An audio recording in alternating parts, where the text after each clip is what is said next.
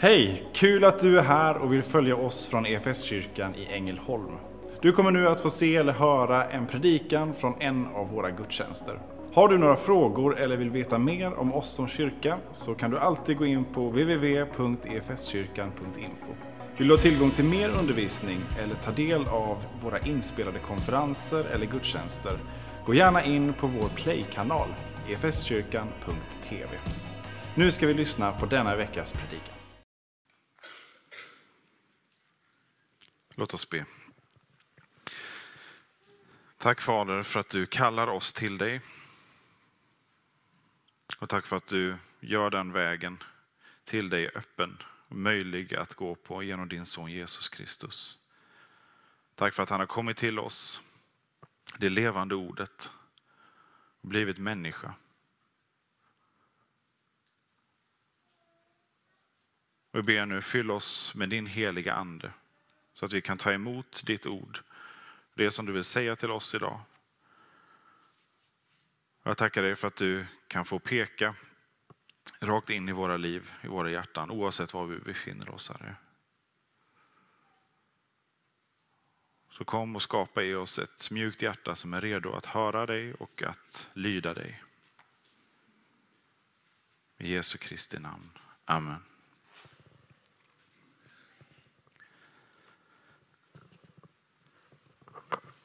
Till alla folk har vi låtit rubriken vara för den här söndagen, den här domsöndagen som avslutar kyrkoåret och som eh, tar sikte på den dag då Jesus ska komma tillbaka. Och allt ska ställas till rätta. Då inte synd längre kan härska i våra liv, då döden inte längre ska finnas. Ingen sorg, ingen smärta och inga tårar mer ska finnas. Och den här dagen så väljer vi också då att ha vår missionsbasar och ta upp kollekt till utlandsmissionen, de projekt som vi har. Och det är ingen fara om man skulle råka ge för mycket. Blir det överskott i förhållande till det vi gör så går pengarna till EFS gemensamma mission också. Och då är frågan hur det här hänger ihop. Det hänger mycket väl ihop, tror jag. Förra söndagen så hade vi dop här och då så läste vi gemensamt, som vi brukar göra här, dopbefallningen eller missionsbefallningen. Jesus sista hälsning till lärjungarna innan han lämnar dem för att gå till sin far. Och han lämnar dem med orden, gå därför ut och gör alla folk till lärjungar. Alla folk. Och så tänker vi, ja, fast förutom inte, danskarna kanske, då var det så bra ändå. Eller kanske muslimerna kanske är exkluderade från det här. Eller så kanske vi inte tänker, men i praktiken beter oss som att ja, de fattiga kanske är exkluderade från det här. Eller ska vi se om de är ointresserade? Ska vi verkligen lägga tid på dem? Om vi börjar fundera på hur vi lever våra liv, var vi delar vår tro som individer, som församling, som kyrka, och så ställer vi oss den här frågan. Går vi ut till alla folk?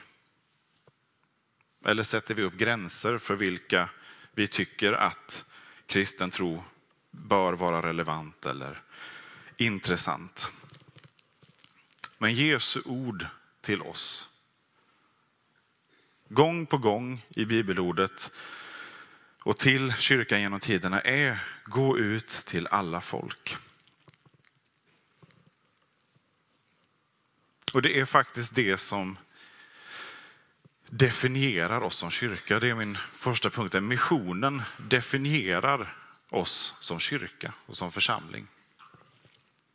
Och för det andra ska vi också se att missionen, Guds mission, det som är vårt uppdrag, det står också i direkt relation till Jesu återkomst och till den dag då han kommer för att döma och skipa rätt.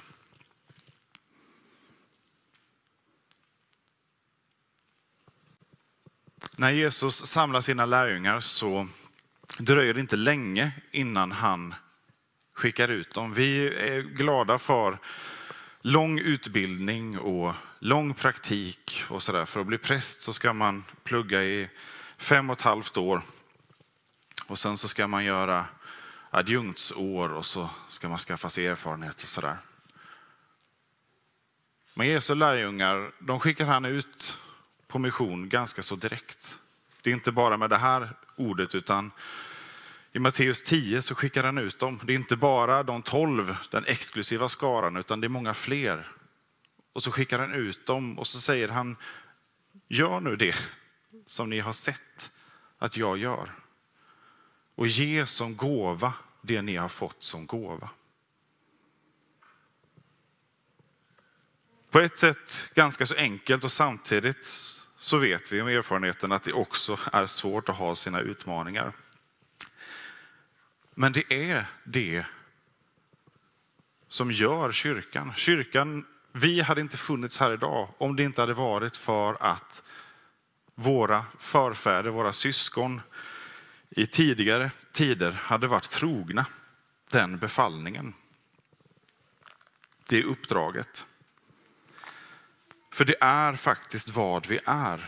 I första Petrusbrevet kapitel 2 och vers 9 framåt så citerar Petrus eh, i Gamla Testamentet och så eh, drar han slutsatser av det.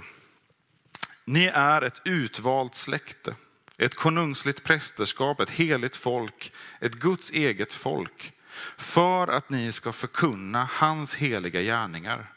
Han som har kallat er från mörkret till sitt underbara ljus. Ni som förut inte var ett folk är nu Guds folk. Ni som inte hade fått barmhärtighet har nu fått barmhärtighet. Mina älskade, jag uppmanar er som främlingar och gäster att hålla er borta från de kötsliga begären som för krig mot själen. Och uppför er väl bland hedningarna så att de, när de anklagar er som förbrytare, ser alla goda gärningar ni gör och prisar Gud den dag han uppsöker dem.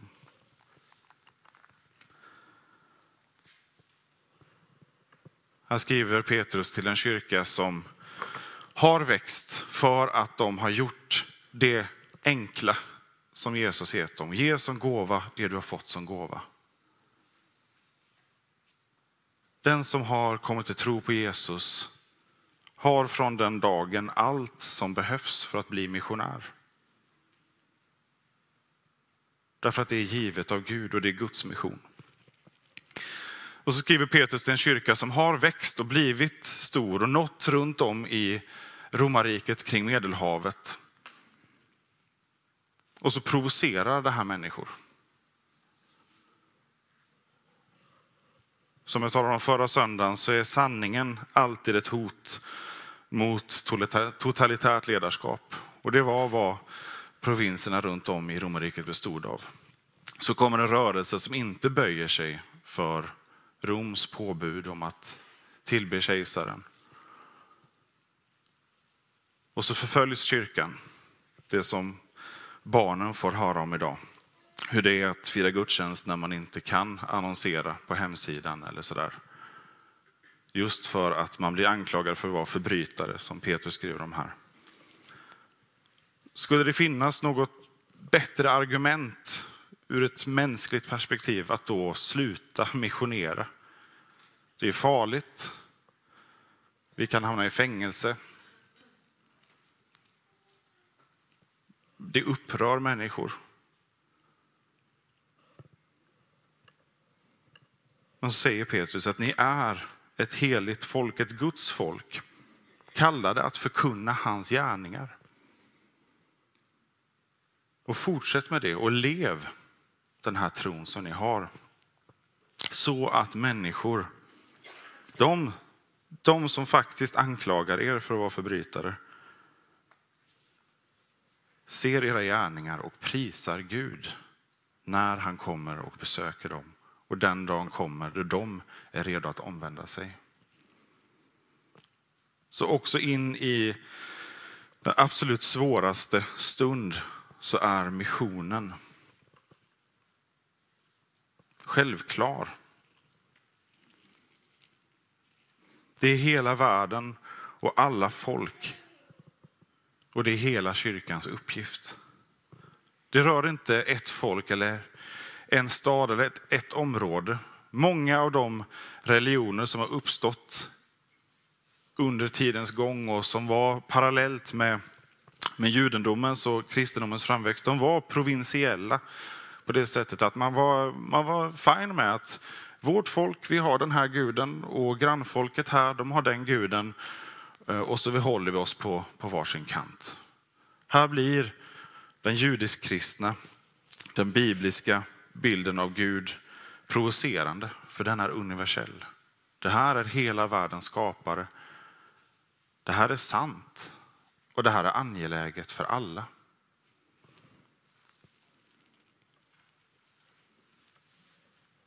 Och så blir det inte heller något exklusivt för en liten skara som blir en elit framför andra. Som andra religioner eller semireligioner som nästan var filosofier eller sådär. Det var en, en exklusiv skara som lyckades leva utifrån ett visst mönster som fick tillhöra. Här går kristendomen rakt andra hållet. De som är föraktade av alla, som inte fick plats bland eliten. Till dem går den kristna missionen med ett särskilt hjärta och med en särskild kärlek. Guds kärlek till den minsta, till den utsatta, till den som är föraktad av andra.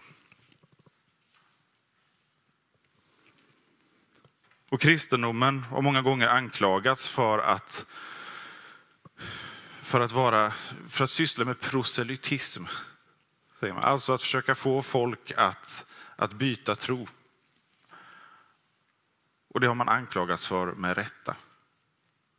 För det är de anspråken som kristen mission gör. Människor har i missionens namn inte alltid gjort det på ett bra sätt. Missionsresor har uppblandats med nationella intressen. Men vi har alltid parallellt med det kunnat se en mission som är befriad från det som inte drivs av det här. Där missionären är någon som inte kommer som en västerländsk myndighetsperson utan som är beredd att ge upp sitt liv. Många av dem helt okända för oss idag, de flesta. Som någon har sagt, vi har många helgon som vi känner till i kyrkan men den absoluta majoriteten av helgonen genom historien har vi ingen aning om. Det är bara Gud som känner dem. Så många som har gett allt. Inte för egen vinning. Inte för sitt eget samfunds vinning. Men för Guds skull och för människors skull. Och som också får sätta livet till. Därför att man har blivit övertygad och överbevisad om att det här är sant. De här anspråken som kristen tro gör, det är sant. Och är det sant, det som Gud säger, att han har skapat oss, att han har blivit människa och kommit till jorden, gett sitt liv för oss för att var och en som tror på honom inte ska gå under utan få evigt liv. Ja, då måste det vara ett huvudärende som kyrka och som kristen. Och är vi befallda om det så kommer vi också prövas mot det. Paulus, han, eh, han skriver att Gud, han skriver uttryckligen att Gud vill att alla människor ska komma till insikt om sanningen. Vi behöver inte fundera på vem det är vi ska gå till. Vi behöver inte fundera på vem det är vi ska ge Guds kärlek vidare till i ord eller handling. Gärna både och. Därför att det är alla människor. Sen kan vi få en speciell kallelse. Gud kan lägga någonting på ditt hjärta, Gud kan lägga någonting på en församlings eller en rörelses hjärta. Men kallelsen är alltid till alla människor.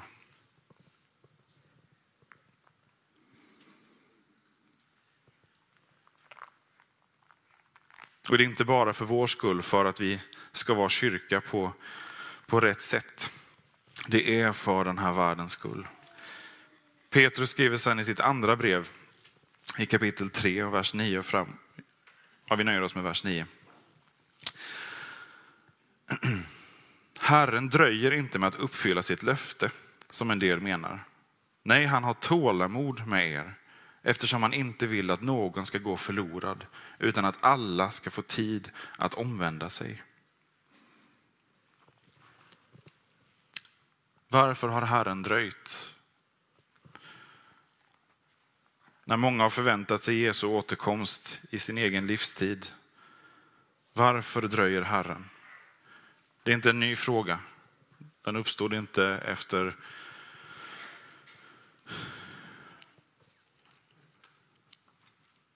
Den har funnits där från början. Varför dröjer Herren? Och Petrus svarar, för att fler ska få tid att omvända sig. Så mycket av det som vi förknippar med kristen tro, som vi eh, associerar med kristen tro, härlig lovsång och eh, möjligheten att få be och umgås med Gud. Den goda gemenskapen som kan uppstå i, mellan syskon. Allt det här är gott. Och det är en försmak av himlen.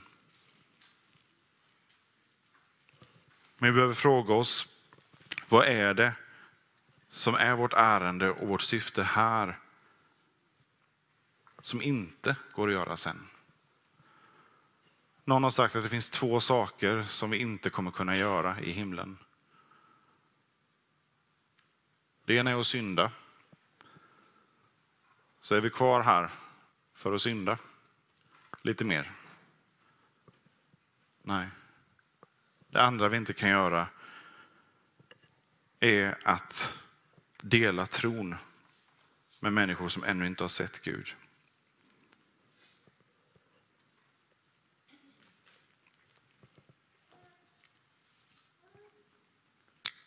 Att dela tron i stort och litet till alla. Det måste vara kyrkans drivkraft och huvudärende. Det andra får bli verktyg som tjänar det. Och därför tror jag att det för, för oss här och för många kyrkor i västerlandet blir anledning till att pröva sig. Så här på domsöndagen och inför Jesu återkomst. När han frågar, har du gjort vad jag har bett dig om?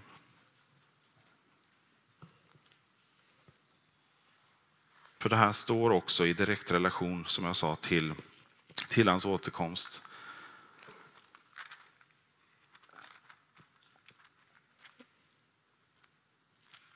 I Matteus 24, vers 12 och framåt, så säger Jesus så här om den tid som ska vara inför hans återkomst. Eftersom laglösheten tilltar kommer kärleken att svalna hos de flesta. Men den som håller ut intill slutet ska bli räddad. Och detta evangelium om riket ska predikas i hela världen till ett vittnesbörd för alla folk. Och sedan ska slutet komma.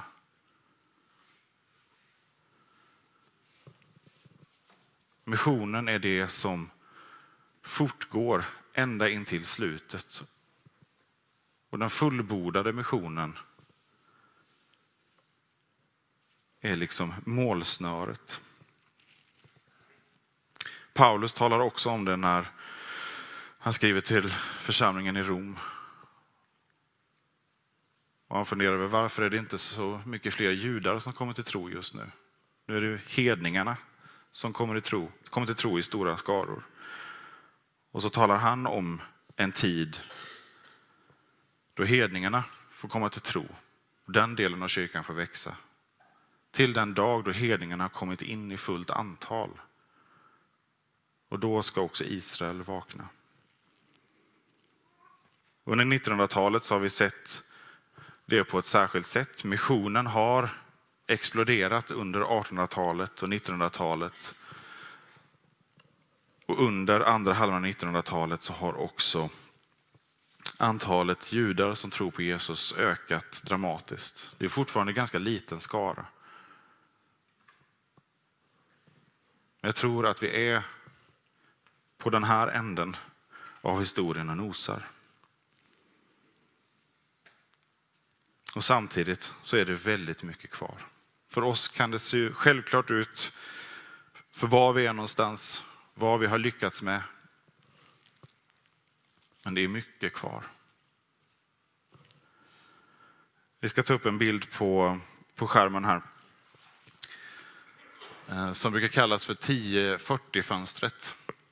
Tionde till 40 breddgraden ovanför ekvatorn. I det här området där är det otroligt grovt ritat. Så det finns mängder med undantag här för länder och, och folkgrupper såklart. Men grovt räknat så är det här som 50 procent av jordens befolkning bor. Och det är till stor del muslimska, hinduiska, buddhistiska och även ateistiska samhällen. Där 86 procent av de som tillhör de här grupperna inte känner någon kristen person.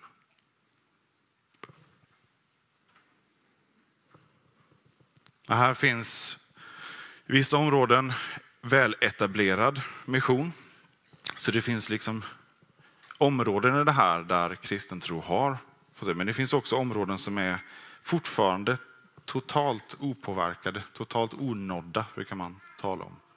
Folkgrupper och områden som är onådda. 3 procent av världens missionärer är bland de här onådda grupperna och områdena. Och 2 procent av västvärldens kyrkors missionsbudget går till det här fönstret. 2 procent av vår missionsbudget då kan man också fråga sig hur många procent av kyrkornas budget som går till mission överhuvudtaget. Och hur mycket som går till våra egna behov. Och så får vi anledning att rannsaka och pröva oss själva.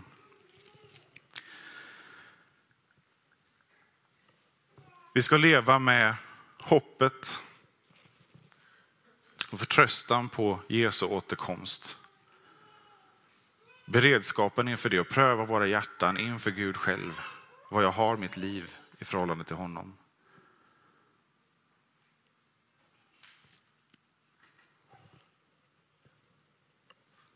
Och fråga oss också, vad har jag fått av Gud? Vad har Gud gjort i mitt liv? Känner du honom inte och har inte sett någonting av det än, så ropa efter honom och pröva honom. Har du fått se något litet av vem Gud är och vad han kan göra? Dela det. Har du fått se mycket? Ja, då är det hög tid att dela också det. Ge som gåva det du har fått som gåva. Nu talar jag inte i första hand om missionsbudget och, och pengar. Utan att dela tro, dela liv. Och eftersom det rör alla folk så är missionen inte bara något exotiskt utlandsprojekt, utan alla folk, alltid. Det är vårt uppdrag. Vi behöver det för det är vår kallelse, det är kyrkans existensberättigande om man så vill. Att vara det folk som talar om vem Gud är, vad han gör och varför han kallar oss till sig. Och vi har fortfarande så många människor som är i nöd. Materiellt och andligt. Och vi har ingen rätt att vända oss bort från det. Utan det är vår kallelse att vända oss till det. Med allt vad det innebär. Så om vi lyfter vår blick från vårt eget, som individer, som församling, vågar vi fråga oss och pröva våra hjärtan var vi är någonstans i förhållande till den kallelsen. Och lita på att Guds mission är Guds. Ser vi hinder så gör vi gott till att läsa kyrkohistorien. Så många missionärer som har nått så långt med så mycket mindre resurser och kanske så mycket större hinder än vad vi har och ser. Gud är god, han är trofast, han har fört sin kyrka ut över hela världen och han kommer göra det till den dag han kommer åter.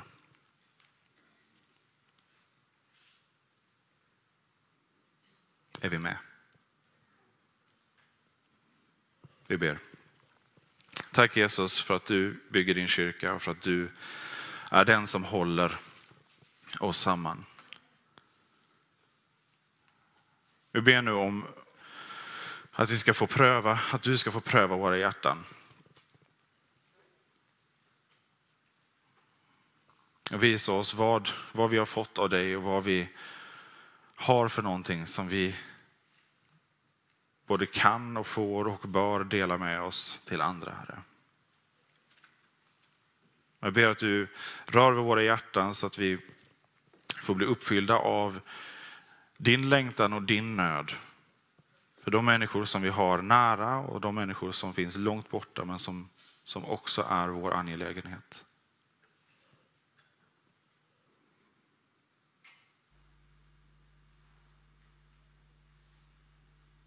Och vill du tala särskilt till några av oss eller oss som församling om en särskild uppgift, ett särskilt område, så ber vi också om stillheten och frimodigheten att lyssna på det och gå på det, Herre.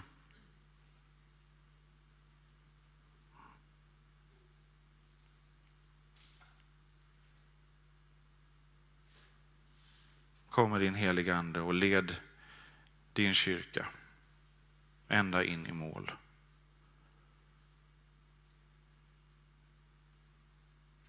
Vi litar på dig och sätter allt vårt hopp till dig för våra egna liv och för vår värld. I Jesu namn. Amen. Som kyrka är det en glädje att få spela en liten roll av allt Gud gör i och genom ditt liv. Vi vill gärna fortsätta följa dig på den resan. Och vill du ta reda på vad ditt nästa steg kan vara på din resa med Gud så gå in på efskyrkan.info nästa steg. Vår längtan är att få se människor och samhällen förvandlade av Jesus. Genom en kyrka som återspeglar Guds hjärta, bär varandra och betjänar människor varhelst vi befinner oss varje dag.